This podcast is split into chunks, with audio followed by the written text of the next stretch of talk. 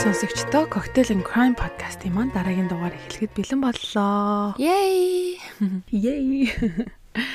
За энэ удаагийн дугаараар манай Дөко коктейлээ хийгээд crime ярихад бэлдсэн байгаа.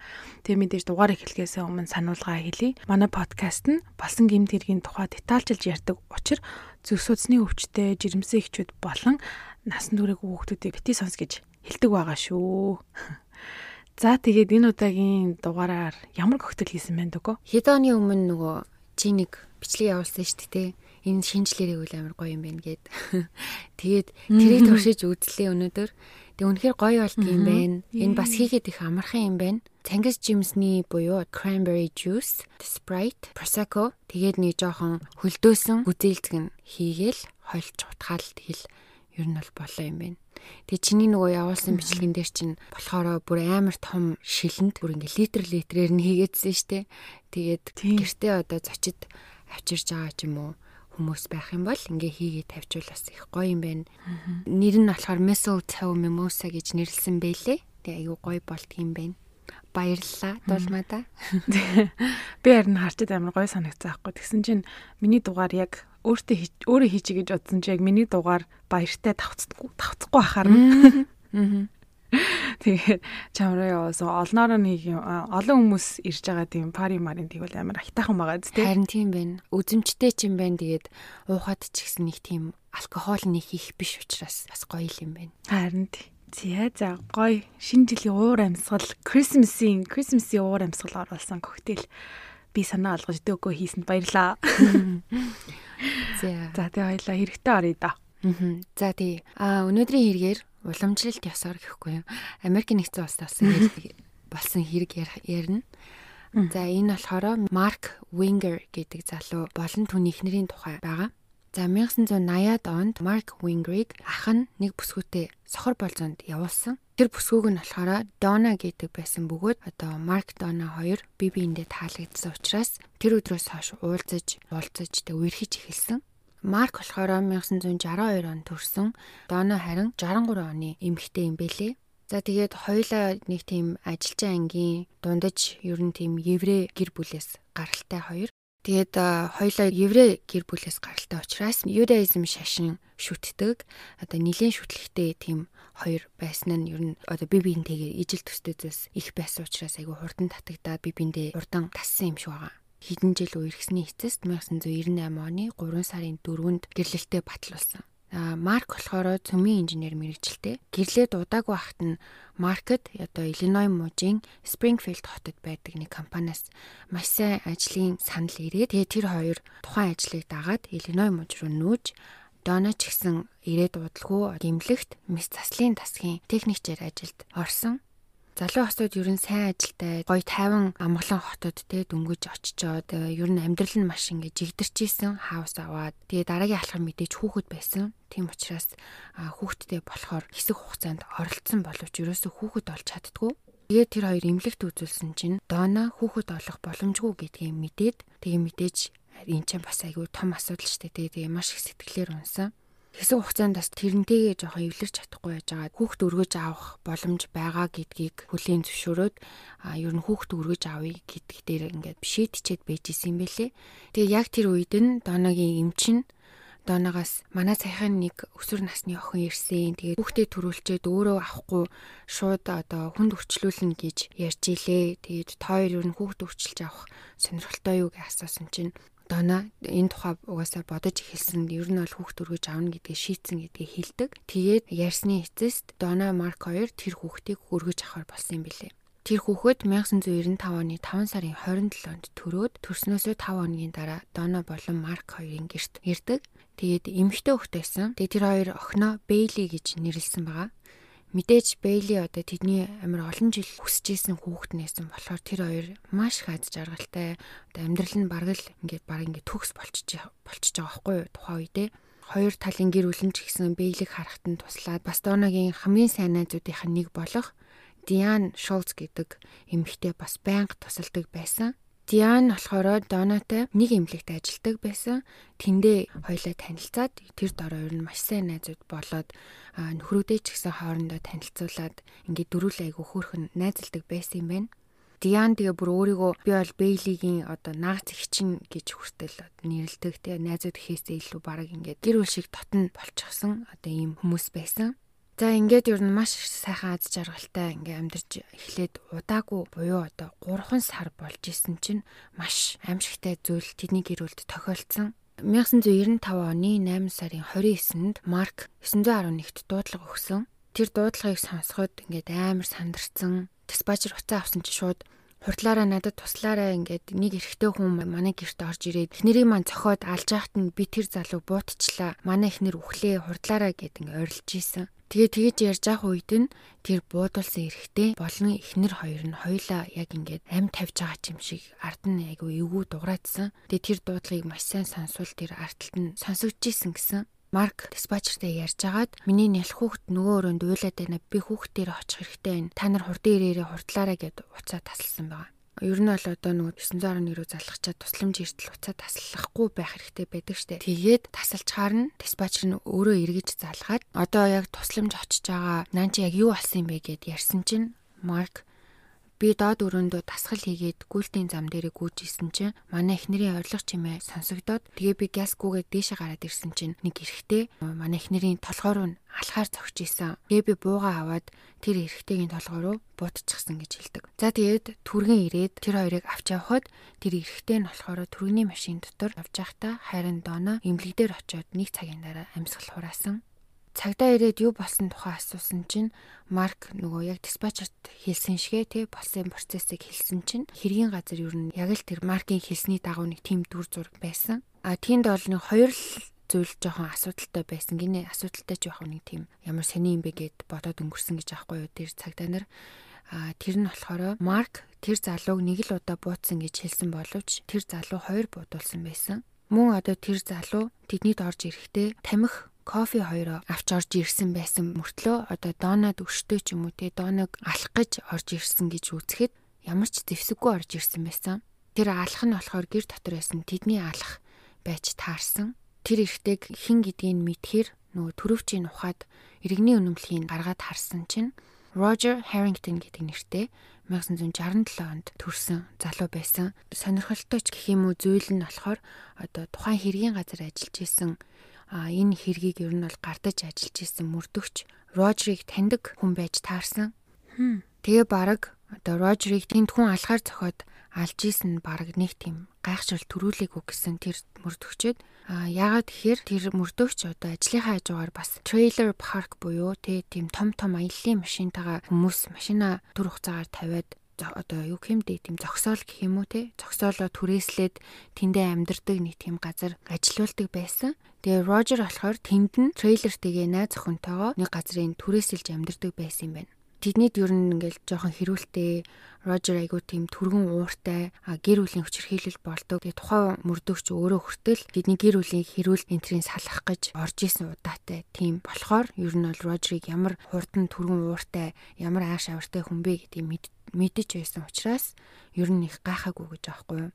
За тэгээд тэдний хаусны гадаа Рожер машина буруу харуулад тавьчихсан. Дотор нь маркийн нэр, гэрийн хаяг болон халлага болсон цаг буюу 4 цаг 30 минут гээд ингээд дөрвөлжин цаасан дээр бичээ тэмдэглээ тавьчихсан байсан. Тэр мөрдөгч Маркас чи энэ залууг таних уу? Энэ яагаад танаа гэрлөө халтсан байх боломжтой вэ гэд асуусан чинь Марк түүний нэрийг асуусан. Тэгсэн чи Рожер гэдэг залуу болохыг хэлсэн чинь Марк амар гайхаад гайхшилт оронготой. Оо Рожер гэдэг нэртэй хүн бит хоёрыг одоо 7 хоногийн турш тарамталж байгаа штэ гэж хэлдэг юу болсон бэ гэхээр 7 хоногийн өмнө Марк өөрөө нөгөө конференстэй гээд одоо ажилтай болохоор өөр мужи руу яваад тэр нь доона тэгвэл би тэр хооронд нь охиноо аваад аав ээж хоёр дээр Флорида мужи руу явчаад ирье гэд очиж хэд хоног амарчаад ирсэн юм байна л да. Чи бас мэдэн штэ одоо Springfield хот гэхэр чин онгоцны энтгийн онгоцны буудлаас нэг 2 цаг бол машинаар явж иж очдог газар штэ. Тэгсэн чин Donna Bailey хоёрыг эрэхт нь нөгөө Марк Стил одоо нөгөө ажил дээрээ байсан учраас Донагийн ээж нь дуудлагын компаниас жолооч хөлслөөд тэр хоёрыг гэрт нь хөргүүлэхээр зохицуулчихсан байсан бөгөөд тэр хоёрыг хүргэж ирсэн жолооч нь Рожер байсан байж таарсан. 2 цагийн турш мэдээж нэг машинд явж байгаа хүмүүс те танилцаад юм юм яриад Ингээ явж исэн чинь Рожер ер нь айгүй эвгүй сэтгэл төрүүлсэн байгаа донод. Тэгээ Доно бүр айцсан гэртээ ирэнгүүтээ хичрүүгээ шууд залгаад хичдүү нартай болоо нөхөртөө юу болсон талаар хэлдэг. Тэгсэн чинь Рожер одны зорчигч суулгацсан. Дээрээс нь бүр нялх хүүхдтэй хүн суулгацсан явж иж амар хурдтай хурд хэтрүүлж авхиад тэгснэ амар гинт гинт огцом тоормслоод эргэж мэрэхтэй бүр амар ингээд хүчтэй эргэж мэргээд тэгснэ юм ярьжсэн би хин юм сонсдог. Би сүнстэй ярьдаг. Тэгээд ялангуяа доом гэдэг нэртэй тим сүнстэй би толгойн дотроо ярьдаг. Тэгээд тэр сүнс нь намайг муу юм хий гэж хэлдэг хүн ал эсвэл одоо машин дэлбэл ч юм уу те тэгэж хэлдэг энэ төр гэж ярьсан маа. Тэгээ бас дээрээс нь өөрийнхөө явдаг тийм секс парины тухай яриад Донаг бас тэрэндээ уурж мөрөөдсөн гэсэн. За тэгээд нөхрөөгөө ирэхээр нь энэ болсон бүх юмыг ингээд өнгөтөр яриад өгсөн чинь нөхөр нь шууд хоёлаа гомдол гаргая. Яхаараа ер нь ийм хүнийг ийм ажил хийлгэж болдیں۔ Яагаад ийм хүнийг те ийм газар ажилд угаасаа анханасаа авсан ингээд. Тэгээ Донаг яг юу болсон тухай бүгдийн дэлгэрэнгүй ингээ өөрийн гараараа цаасан дээр бичгээ бичүүлсэн маа. Тэгээ нөхөр нь тэр Рожерийн ажиллаж исэн компани руу залгаад гомдол мэдүүлсэн чинь Рожерийг шууд тэр ажиллаас нь халчтیں۔ Тэгээ ер нь Донаг бас одоо хүргэж өгсөн тэр өдрөөс хойш эрэгтэй хүн гэрийнх нь уцаар нь тоглоод исэн гинэ. Залгаснаа Донаг асууснаа уцаа тасалж маслаад. Тэгээд одоо энэ бүх зүйл болсны дараа ер нь тэр залгаад байсан хүн бол Рожер байсан юм байна гэж ингээд эргээ бодож байгаа хгүй. Ажил руу нь гомдол мэдүүлээд халуулснаас болоод одоо өсөрхөөд тэр хоёрыг дарамтлж эхлээд сүүлдээ бүр уурандаа доноогоос ирж өшөөгөө авсан юм шиг байна гэж тамгалсан. Тэргийн газар үзлэг хийж дуусаад одоо бүх зураг хүргийг нь аваад тэр маркийн бууг мөн одоо дооныгийн битсэн гомдлын захиа энэ төргээ бүх зүйлсийг эд мөрийн баримт болгож хурааж авсан. Тухайн хэрэг маш хурдан буюу 2 хоногийн дотор Марк амиа хамгаалах гэж буудсан учраас буруугүй гэд хэрэг нь хаагдчихсан. Угаасаа бүх юм ойлгомжтой байна гэж үтсэн. За тэгээд эхнэрээ алдаад мэдээж Марк те маш их шоконд орсон байсан учраас нэг хэсэгтээ архинд их орсон гэсэн. Тэг ерөөсөө тэгэж ганцаараа байтугай хүмүүстэй ч баарнд ордгоо хүн чинь ганцаараа баар маар ордог болоод ингээд ер нь бол согтууруулах хундаа маш ихээр хэрэгэлдэг болсон. Тэгээ мэдээж од нүдэн дээрээ ихнэрээ алдчихсан. Тэг дээрээс нь хүн буудаад алдсан. Тэг одоо ингээд нялх хүүхдтэйгээ ганцаараа үлдчихлээ шүү дээ. Тэг ямар ойлго авах вэ? Доногийн ээж аав нь бас ойлгоод энэ архитаарс уугаад байгаа үеийг нь дэмжихийн цаашаа гэхдээ ингээд туслаад хүүхд мөхтийг харалцаад ингээд жоохон гайгүй болтол нь хань болоод байсан юм билэ. Ээлж ээлжээрээ Тэ Флорида мужаас ирээд бэйлэг өсгөхт нь тусалж дэмжиж исэн юм байна лээ.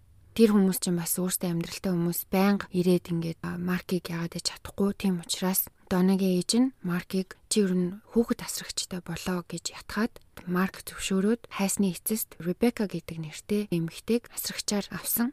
Ребека болохоор хүүхдэд маш хайртай, айгүй бас өөрөө айгүй хүмүүжлтэй тийм эмэгтэй байсан. Бэйлигтэй анх танилцсан цагаасаа л ер нь Бэйлиг маш их өрөвдөж, ээжхийн л ер нь айгүй хайрлж исэн. Тэгээ тэр нь ч Донагийн ээжд нь харагдсан учраас одоо маш их таалагдаж бүр live in nanny буюу тэг ирж хүүхд харчаад явдаг асрагч биш бүр гэрт нь амьдарч хардаг тийм асрагчаар тэднийх ажилд авдаг. Тэгээ Ребека өөрөө хэлэхдээ Тэгээ би Бэйлиг анх хараад маш хөрөвцөн. Тэгээ 3 сарын дотор тэгээ 3 сартай беби хоёроо хоёр ээжигээ ингээ алдчихсан. Би ер нь түнд бүх сайн сайхан бүхнийг үзүүлэхийг хүссэн гэж хэлдэг. За тэгтэл уудалгүй тухайн оныхоо 12 сард Ребека Маркас жирэмсэн болчтیں۔ Тэр хоёр хамт амьдраад одоо маш хурдан дотносоод би бидээ хайртай болоод ингээд гэр бүл зохиож эхэлсэн. Дона өнгөрөөд энэ ерөөсөө удаагүй хитгэн сар болж исэн байгаа хгүй. Тэгэхээр тэр нь жоохон мэдээж Ребекад эвгүй байсан. Ганц Ребека ч гэлтгүү те эн чинь бас Донагийн гэр бүлийнхэнд бас тэмч тааламжтай мэдээ байгаагүй. Марк бас өөрийнхөө амьдралаар амьдрах ёстой гэдгийг тэдний гэрийнхэн ойлгож ирсэн учраас тэгээ дээрээс нь Ребека нөө зээ охины үнэхээр өөрийн юм шиг хайлж ирсэн учраас тэдний гэр бүл дэмжсэн. Харин нэг хүн л энэ хоёрын харилцааг ерөөсөө дэмжихгүй амар эсрэг байр суурьтай байсан. Тэр нь хэн байсан гэхээр нөгөө Диан гэд Доногийн нөгөө хамт ажилтдаг айгу сайн найз шүү дээ. Тэр хүүхэн байсан.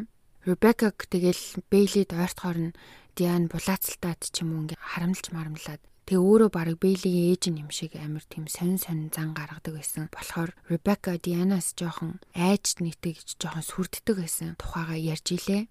За тэгээ одоо нэгэнт тэр Ребека жирэмсэн болцсон учраас ер нь хоёлаа гэрэлтэй батлуулаад ингээд суугаад гэр бүл болёо гэд Марк тэгсэн чинь Ребека жоохон дургу байсан. Нэгт болохоор одоо Дона өнгөрөөд удаагүй байсан. Хоёр талаар Марк нөгөө Юдаизм шашинтай. Тэгээ тэрэндээ ч юу айгүй хүчтэй итгэдэг хүн байсан. Харин Ребека өөрөө болохоор Христийн шашинтай хүн байсан. Тэгээд э, Марк хэсэг хугацаанд Ребекаг дагаж Христийн сүмд явж агаад тэгээд шашнаа сольж Христэд итгэгч болохоор шийдсэн. Өөрийнхөө шашныг сольж байгаа тухайга тэгээ өөрийнхөө нөгөө номлогчд хэлсэн чинь мэдээж нүүх нь амар гайхаад яагаад гинт юу болов вэ? Чи чинь багасаа ингэ шүтлэгтэй хүн байсан штэ гэсэн чинь Марк хэлэхдээ Юдаизм бол надад хитрхи хатуу бас өршөөлгүй шашин шиг санагдаж байна гэж хариулсан бэлээ. Тэгээ тэр нь ер нь тэр номлогчд нь маш сонир санагдсан тухай ярьж исэн. Марк ингээ шашнаа хүртэл сольчхоор нь үнэхээр надад маш хайртай юм байна гэд Ребека түүнтэй гэрлэхийг зөвшөөрөөд тэгээд тэр хоёр 96 оны 10 сард хормоо хийсэн. 2 сарын дараа Марк Донотой авсан нөгөө хаусаа зараад Ребекатай бүхнийг шинээр эхлэхээр хотоос зайдуу тийм газар маш том идэлэн газар болон одоо farm house аваад тэндээ амьдарч эхэлцгээс юм билэ. Тэр хоёр хамтран амьдраад Бэйлигээс гадна өшөө 3 хүүхэдтэй болоод Ребека болохоор тэг гэртээ хүүхдүүдэд хардаг ээж харин Марк гэр бүлээ одоо хангалттай тижээх үед цалинтай ажилтаа ингээд зургуулаа маш аз жаргалтай амьдарч байсан. 1998 оны 10 сард Маркийн биеийн нэг жоохон тавгуурхэд Ребека тэр хоёр эмнэлэг орсон баггүй. Тэгсэн чинь нөгөө Донагийн найз Диан штэ тий. Тэрнтэй таарлддаг. Яг юунаас болсныг мэдэхгүй ч Диан Марк хоёр жоохон ам зөрөөд тэгээ Марк Дианд за өнөөдрөөс хойш хоёлаа ингээ танихгүй хүмүүс шиг байя. Дахиж ингээ би чамтай одоо тэгээ таарлаж уулзахыг юусоо хүсэхгүй байна гэсэн утгатай тийм хэлсэн. Тэгэд энэ явдлаас хойш хэдэн сарын дараа буюу 99 оны 2 сард Диан цагдаа дээр очиж мэдүүлэг өгснөөр энэ хэрэг ингээ бүр оронгоороо иргэдэг. За яг яасан бэ гэсэн чинь Диан Марк хоёр Донаг амьд ахад явуулддаг байсан байж таарсан. Донод болохоор Диан би одоо ингээ нөхөртөөгөө амар таарамжгүй байгаад байгаа гэж хэлээд харин Марк болохоор би тэр хоёрт одоо гэрлэлтийг нь аврахаар тусалж байгаа гэж итгүүлсэн байсан. Марк болохоор байнга тэднийд очдог. Тэгээ тэр хоёртой одоо ярилцаад хоёр талын асуудлыг сонсоод нэг тийм одоо дундын те одоо терапист аятай тийм хүн нь болсон гэж Донод итгүүлсэн байсан. Тэгээ энэ тухай ч гэсэн хөөрхийн амтан Дона нөгөө ээж дээрээ хамгийн сүүлийн удаа Флорида явсан штэ. Тэгтээ хүртэл ээжтэй хэлсэн байгаа юм чинь манай Марк хөөрхийн амт ингээд Диан нөхрөөсөө салах гад ингэсэн чинь а цаа чи ингээд тэр хоёрыг салгачихгүй гээд айгүй хичээж байгаа. Дунд нь зүгээр нийлүүлэх гэлгүйгээд байгаа юмаа гэж ярьсан ба. Тэгсэн чи яг үнэндээ нөгөө хоёр нь явуулддаг гэж таарсан. Тэгээд Дианы цагдаа нарт хэлсэн бас нэг зүйл нь болохоор Марк ингэж хэлсэн ба. Дона өгчих юм бол хоёулаа хамтдаа жаргалтай амьдарч болно штэ. Тэг бүр нэг удаа чи өрдөө орж ирээл Доног олоод тэгэл цагтаа дутахад л хангалттай гэсэн тийм утгатай юм хүртэл хэлж исэн гинэ. Тэгээ тэр үед нь Диан болохоор чи юу яриад байгаа юм бэ? Балаа юм уу? Юу яриад байгаа юм? Би хизээч те Донод тийм зүйл хийж чадахгүй. Чи ч одоо галзуурсан юм уу гэд өнгөрсөн байгаа байхгүй юу? Тэг яг хичнээн маркет гэж хэлж байгаа ч гэсэн жинхнээсээ яг тийм юм хийж чадна гэж юусоо бодоогүй. Бас тэр нөгөө нэг жолоочтой болсон асуудлын дараа Марк сонсцоод Дианд ингэж хэлсэн байгаа. Би ер нь бараг плана олчлоо доо гэж хэлсэн. Тэгээ бас яг тэр хэрэг гарахын өмнөхөн Диан руу залгаад чи намайг яаж ч байсан хайртай хэвээрээ байх уу гэж асуусан гинэ. Тэгсэн чинь Диан тэгнэ гэж хариулсан чинь бараг тэр нь одоо Маркийг тэг тэр өдөр тийм хэрэг хийхэд нь зоригч гэх юм уу одоо түлхэц өгсөн юм шиг байгаа. Дээрэс нь Доногийн ажил явдлын үеэр бүх хүмүүс цугларсан байхад Диантай нууцаар шивнэлдэж амжсан. Тэгтээ юу ч хэлсэн гэсэн чинь би энэ бүхнийг бидний төлөө хийсэн шүү чи хинт ч бүр ингээ хинт ч хэлж болохгүй шүү. Хэрвээ тэх юм бол хоёлаа баларна штэ гэсэн утгатай юм байсан ба. Доног нас барсны дараа хүртэл тэр хоёр уулцсан хэвээрээ байсан. Хоёлаа бүгд хүртэл солилцож исэн бэлээ. Би одоо ингээд бүх амьдралаа болон өөрийгөө чамд зориулж гин гэж Марк амлаад Дианд бүгж өгсөн. Тэгсэн чи яас гинэт нөгөө нэг хүүхэд асрагч Ребека гараад ирсэн. Ерөөсөө удаагүй хэдхэн сарын дотор Ребекатай яваалтаа тэгээд Марк ер нь бол одоо үндсэндээ Ребекаг сонгоцсон штэ. Тэрэнд нь Диан бүр ингээд бүр депресстэд архинд ороод хар тамхи хүртэл хэргэлдэг болоод тэгээд дээрэс нь одоо нөгөө Донагийн өмнө маш их буруутай санагдаад энэ бүхнээс болж ер нь хит хит удаа амиа хорлох гэж үтсэн гэж илээ. Тэгэхээр нөгөө нэг яагаад тэр Ребекад амар сонь сониаш гаргаал Бэйли мэйли харамлал идэг гэсэн гэсэн штэ өөр нь өөрөө ээж нь юм шиг аашлаад тэгэхээр одоо яагаад тийм ааш гаргаад байсан ийм учиртай байсан юм бэлээ. Ребека бас дараа нь ярахтаа Диан тэр үед нөхөртөө байсан байжээж маркинд очихдоо маркийн өмнө амар айлгуутаад идэг байсан. Тэр нь намайг хүртэл айгуу тийм эвгүй байдалд оролдог байсан гэж ярьж исэн. Тэгээ тэр имлэг дээр тэр хоёрыг хамт явж ахыг харчаад тэр бол бараг Дианы те сүлийн нэг тийм юу гэх юм утсын тасалсан юм шиг байгаа. Амар дургуун хүрээд тэгээд юу энэ бүхнийг илчлэхээр болсон юм болов. За тэгээд энэ бүхнийг сонссон мөрдөгчнөр одоо 2 өдрийн дотор хаачихсан байсан хэрэгээ ахиж сүгсэн. Тэгээ хэргийн газрын зураг энтрийг ахиж харж үзсэн чинь асуудалтай юмнууд маш их байсан. Тэр болгоныг юусоо сайн харж чадаагүй байсан юм билэ. За нэгдүгээр болохоор ямар ч хүч хэргэл орсон тийм шинж тэмдэг байгаагүй. Дона ч одоо Рожерыг хараад шууд мэдээж таны штэ 2 цагийн турш ингээ айж майгаад нэг машинд явцсан хүмүүс. Тийм бахад одоо яаж ч ботсон Дона тэр хүнд хаалгаа тайлж өгөхгүй. Тэгсэн байхад одоо хүч хэрэглэхгүйгээр Доног ингэрт нь орцсон байна гэдг нь боломжгүй зүйл юм шиг нэг юм асуудал гарч ирсэн. Хоёрдугаар талаараа эхлэхэд хэлжсэн штэ. Одоо өшөөг авах гэж ирж байгаа хүн гэж үзэхэд яагаад аяга бариад тэ тамхиа бариад орж ирсэн. Тэгсэн мөртлөө ямар ч зэвсэггүй. Тэгээ машины нэгжээ үтсэн чинь машин дотор нь зэвсэг болох боломжтой бүр хутаг заяо. Тэгээ нөгөө машины дууны болц сулдаг төмөрөө штэ. Гэх мэтлээ одоо ийм зэвсэг болох хүйц зүйл зөндөө байсан. Тэгээ яагаад тэрийг авч ороагүй юм бэ? А 3 дугаар болохоор 911-ийн анхны дуудлагын үед асуухад Марк би тэрийг буутчлаа гэдгсэн штэ. Тэгсэн чинь нөгөө диспатчер нь асуусахгүй хэдэн удаа буутсан гэсэн чинь нэг гэж хариулсан. Тэгээ нөгөө нэг ард нь хүн амь тавих гээд ингээд дуу ингээд сонин дуурайд байна гэдсэн штэ. Тэр үед нь Марк миний хүүхд уйлаад байна гэд уцаа тасалсан штэ. Тэгсэн чинь тэрийг одоо мөрдөгчнөр үзэхдээ тэр дуудлагын үед нэг бутцсан байсан. Марк үхээгүй. Тэгээд гүцээхийн тулд гэх юм уу те дахиж буутах гэж уцаа тасалсан байх магадaltaй гэж үзэж байгаа. Хөршин бас энэ тухай мэдүүлэг өгөхдөө би 2 удаа буундуу сонссон. Энэ нь хоорондоо 5 минутын зайтай байсан гэж мэдүүлэг өгсөн байсан. Тэгэхээр одоо тухайн таамаглалтай бол нийцж байгаа. Дөрөвдүгээр болохоор хүн одоо 2 удаа бууцсан хэрнээ өөр дээр нь ямар ч цусны үсэрсэн тол бол байгаагүй. Тэгсэн хэрнээ одоо тэр хавар дүүрэн цус болон ингээд тархины бяцарсан хэсгүүд үсэрсэн байсан. Тийм учраас өөрийгөө бол цэвэрлсэн байж таарсан. За тэгээд одоо нөгөө мөрдөгчнөр нь тухайн үеийн бүх хэргийн материалтай тий энэ мэтчлэн танилцаад явах гэсэн чинь зарим нэг зүйлс нь байгаагүй. Яагаад гэсэн чинь хэрэг болсны дараа удаагүй Марк тэр Рожер гэдэг залуугийн ажиллаж исэн компанийг эрүүл ухаангүй ийм сонин хүн ажилд авсан нь манай гэр бүлд нөхөж баршгүй хохирол учруулчлаа гэд сэтгэл санааны хохирол нэхэж шүүхтээд маш хэмжээний мөнгө салгаж авсан юм билээ. Тэр шүүх хурлын үед Маркийн хуульчин тэр баримтуудыг дэлгэхээр авсан байсныг цагдаа нар эргүүлж авсан. Тэгсэн чинь тэр эргүүлж авсан баримтанд дунд хэргийн газар дээр авсан хоёр цогцны гурван ширхэг тийм Polaroid зураг гарч ирсэн. Энэ гурван зураг бол тухайн хэргийн одоо маш том нотлох баримт болж ашиглагдсан. Яагаад гэхээр одоо Рожерийн цогцос Маркийн ярьсан түүхийн дагуу зүйл болсон болвол яагаад ч одоо байж боломгүй тийм байрлал твтчихсэн гэж байгаа.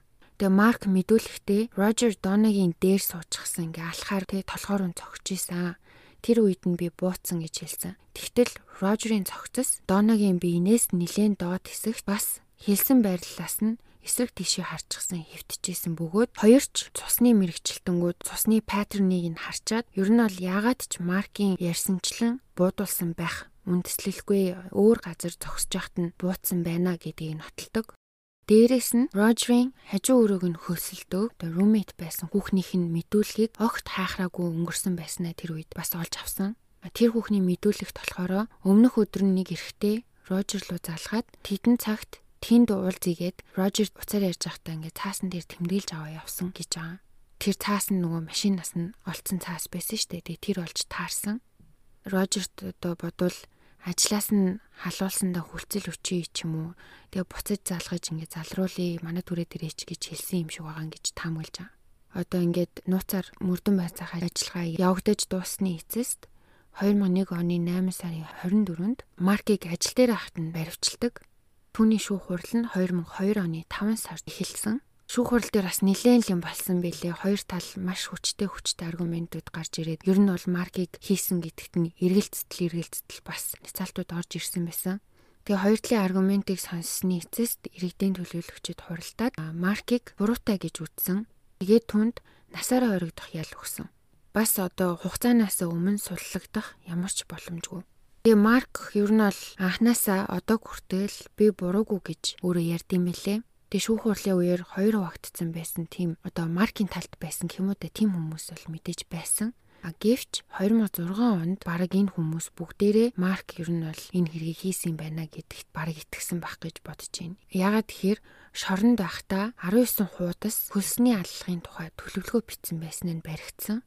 Тэрэн дээр болохоор Дианыг алах тухай төлөвлөгөө байсан хитмен хөлслөөд те Дианыг ална гэж төлөвлөж исэн. Тэгээд яагаад тэгэхээр мэдээж энэ бүх өөртөө тохиолдож байгаа зүйл Дианаас болсон гэд үс сансан юм шиг байгаа.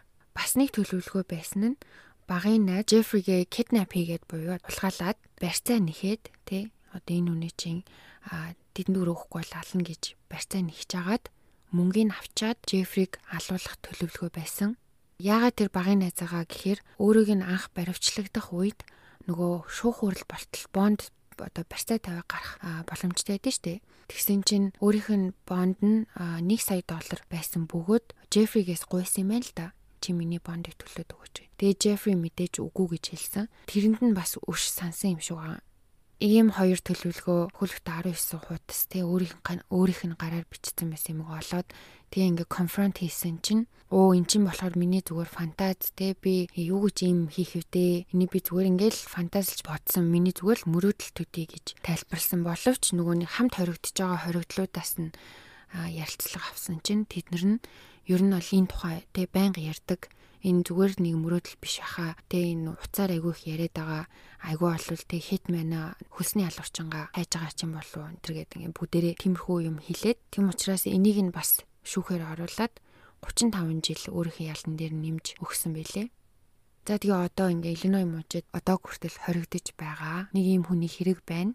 Яг сүлд болсон нэг гоё юм нь нөгөө анх Марк Ребекатэй анх нийлээд нүүгээд тэгэнгүүтээ ер нь бол Донагийн гэр бүлийнхнийг Бейлитэй уулзахыг хориглолцсон. Ингээ холбоог нь тасалсан юм билэ. Би одоо та нарыг юу гэж хин гэж тайлбарлахын тэг охиндоо ингээ энэ болгон чи айгүй юм confusing байгаад байна. Тэг ер нь одоо ингээ нэг яриад хэрэггүй мэргүй гэдэг ингээ холбоог нь тасалсан юм билэ хөрх юмтай. Тэгсэн чинь 19 онд Ребека Бейлиг Донагийн гэр бүл дээр аваачиж уулзулсан байсан. Угаасаа тэдний гэр бүлийнхэн Бэлэд бүр маш хайртай байсан. Доногийн ээж нь ч ихсэн зэ охинтойгоо холбоотой үлдэх гэж маш их хичээсэн боловч Маркас олж чадаагүй. Тэгээд одоо эцэс үлдэн гэдэг шиг 19 онд л уулзцаасан билээ. Тэгээд одоо хүртэл холбоотой байдаг гэсэн. Хөөрхийн. Харин тий. За тэгээд нэг ийм хэрэг байна да тулмаа минь. Жас дуугаж байгаа гинт алцгануулчих юм аа. Би бүр амар орцсон жисэн аа яна амар балаа юм бэ эхнэрийг нь амар хүнөөчлөө тэр ямар галзуу жолооч юм болооч вэ гэж бодцсон явж исэн чи сүүлдээ бүр нөхөр нь олоо явчихдаг шүү. Харин тий. Начистай амар сонирхолтой яриг байна. Тэгээд чиний ингээ саяны ярьж байгаа сонсохоор Марк болохоор ер нь бол хүн болгон амар дуртай тий найрсаг сайхан аштай гэж ярьдаг гэсэн тий. Тэгэнгუთ чин амар тийм юу юм биш үү нэг юм нууц нарциссистик хүн юм шиг санагдлаа надад би сонсож байгаад ойлгосон юм Марк үнэхээр хүүхдтэй болохыг хүссэн, гэр бүлтэй болохыг хүссэн. Аа. Тэгээд maybe магадгүй одоо нөгөө юу хиймдээ шашин шүтлгээсээ болоод ч юм уу ихнэрээсээ салж чадахгүй байсан юм болов гэд бодож илаа. Гисэн хэдийч одоо нөгөө нэг тэр гэрлэлтээс өөрийгөө бусдын нүдэнд амарс одоо юу хиймдээ сайн хүн болгож тэр гэрлэлтээ тэр ихнэрээсээ одоо салахын тулд ийм муухай юм хийсэн болов гэж бодож суужилаа. Аа. Хайрын сайхан эмгтэй би чамайг ярьж яхад нь зургийг нь хараад үзсэн чинь хүүрх юм би. Тэгээ гэр бүл нь амар дотн дэсэн юм би тий ихч дүүснэр бүр oh my god харамсалтай юм би. Тэгтээ олон жилийн дараа ч ихсэн ингээд хэрэг дахин сөхтөөд учир нь алдсан бас гой сонсогдлоо. Одоо аюу хинди муухай эхэлсэн ч гэсэндээ жоохон баг зэргийн баяр баясгалантай төгссөн түүх юм да энэ. Аа бэлгэж гисэндээ Донагийн ээж автаа уулзаа тэр хоёр одоо хөршний аялгийн дэвтэн тэгсэнтэй амраас баярлал сууж гин. ойрд ийм амар ойрд ч юу ах вэ манай дөгөө ер нь бол дандаа нэг юм учир битүүлэг сэн алтгануусан хэрэг ярьдаг амар сонирхолтой хэрэг байлаа. Би бүр би бүр амар орцсон сууж ин ярианд чинь бүр ингээ орцсон. Яна. Хаа гэсэн. Тэгээд нөгөө бичлэгүүдийг үзэж хахад анх нөгөө Дианыг харчаад минь бүр амар уур хүрээд амар тийм байсаахгүй. Тэгээд яг бодоод ахад бас хичнээн олон жилийн дараач гисэндээ одоо өөрийнхөө юу гэдэг public image энтриг бодлохгүйгээр бүх үннийг хилээд бас хэрэгтэн бас хорж чадсан бас ууштай л гэж бодож илаа. Гэхдээ бас энийг урьдчилан сэргийлэх боломж тэр хүний гарт уг нь байсан. Боловч одоо тэгээд юу ч хийж чадаагүй мэдээж одоо хүртэл тэр байх бүх одоо гимшил бүх юмтайгаа өөрөө толгойн дотроо амьдрдаг байх Тэг өдрө болгон одоо тэр нь өөрийнх нь шийтгэл болоод байж байгаа болов гэж найдаж байна. Харамсалтай юм аа. За үнэхээр сонирхолтой хэрэг байлаа дөөкөө. Яг манай сонсогч нар ч гэсэндээ тэгж ботсон байх. Яагаад гэвэл хэрэг эхлэхдээ нэг өнцгөөс эхлээл Б өнцөг рүү явж ийснэ бүр шаал өөр өнцгтэй цэг дээр хүр өнцөг гинэ цэг дээр хурж ирээ дуусчлаа. Аа над надтай адилхан санагдсан байх гэж би бодож байна. Тэгээд манай сонсогч нар комент хэсэгтэр өөрсдийнхөө бодлыг хуваалцаад бичээрэй гэж хүсэж байна. Тэгээд мэдээж уламжлалт ёсороо бит хоёрыг ярьдаг хэрэгүүд болон коктейлүүд Instagram болон Facebook дээр зураг тайлбартайгаа тавигдах болно. За тэгээд энэ хүртэл сонссон сонсогч хэн бидэг үлээд өгөө? MVP За MVP нартаа маш их баярлаа. Тэгээд а зул сарын баярын мэд хүргэе тэмдэглэдэг бол тэмдэглэдэг бол удахгүй ирэх байгаа шинэ оны мэд хүргэе. Тэгээд дараа дараагийнхаа дугаараар дахин уулзтлаа. Түр баяртай. За дараа жил уулзъя манайхаа. Бай. Бай.